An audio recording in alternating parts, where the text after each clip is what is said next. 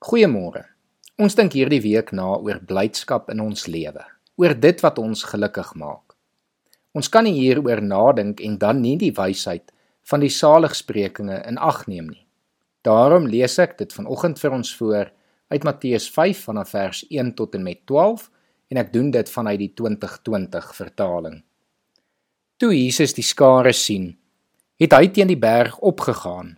Hy het gaan sit en sy disippels het na hom gekom. Hy het begin praat en hulle geleer en gesê: Gelukkig is die armes van gees, want aan hulle behoort die koninkryk van die hemele. Gelukkig is die wat treur, want hulle sal vertroos word. Gelukkig is die sagmoediges, want hulle sal die aarde erf. Gelukkig is die wat honger en dors na geregtigheid, want hulle sal versadig word. Gelukkig is die barmhartiges, want hulle sal barmhartigheid ontvang.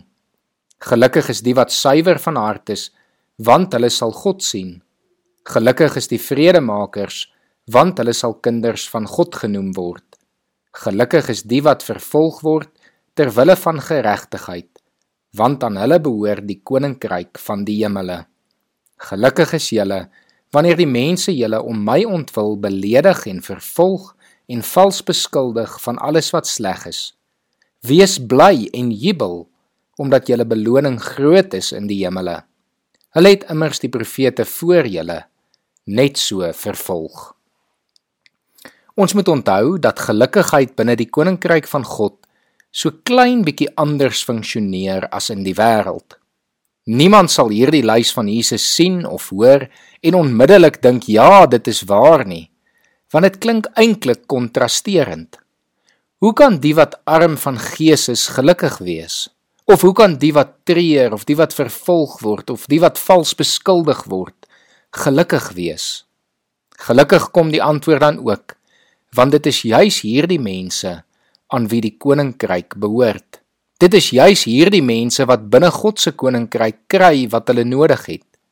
Die wat treur is in God se koninkryk gelukkig, want in God se koninkryk word hulle vertroos ontvang hulle die koninkryk en kan in God se teenwoordigheid saam met medegelowiges vertroosting ervaar. Ja, dit beteken nie dit gaan altyd maklik wees in hierdie gebroke wêreld waarin ons nou leef nie. Inteendeel, ons kan maar weet dat ons juis omdat ons die Here dien, beledig gaan word, vervolg gaan word, vals beskuldig gaan word. Maar dan kom sê Jesus dat selfs dan moet ons bly wees en jubel want ons moet ons oog op die beloning in die hemel hou. Daarom maak dit nie saak wat vandag alles op jou tafel is nie. Herinner jouself vandag dat daar 'n wonderlike toekoms toekoms op ons wag, dat die beloning om die Here te dien baie groot is en dat ons almal eendag volkome gelukkig gaan wees. Kom ons bid saam. Here, dankie vir die wysheid van Matteus 5. Dankie vir hierdie saligsprekinge van dit wat ons gelukkig maak in u koninkryk. Here, dankie dat ons kan weet dat u vir ons gee wat ons nodig het. Dat u ons vertroos, dat u vir ons u koninkryk aanbied. Here kom help ons om binne u koninkryk te leef. Kom help ons om mekaar te vertroos, vrede te maak, barmhartig te leef, Here.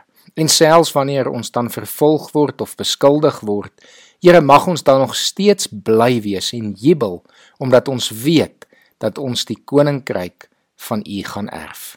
Ons dank U daarvoor en ons loof U daarvoor en ons bid dit alles in Jesus Christus se naam. Amen.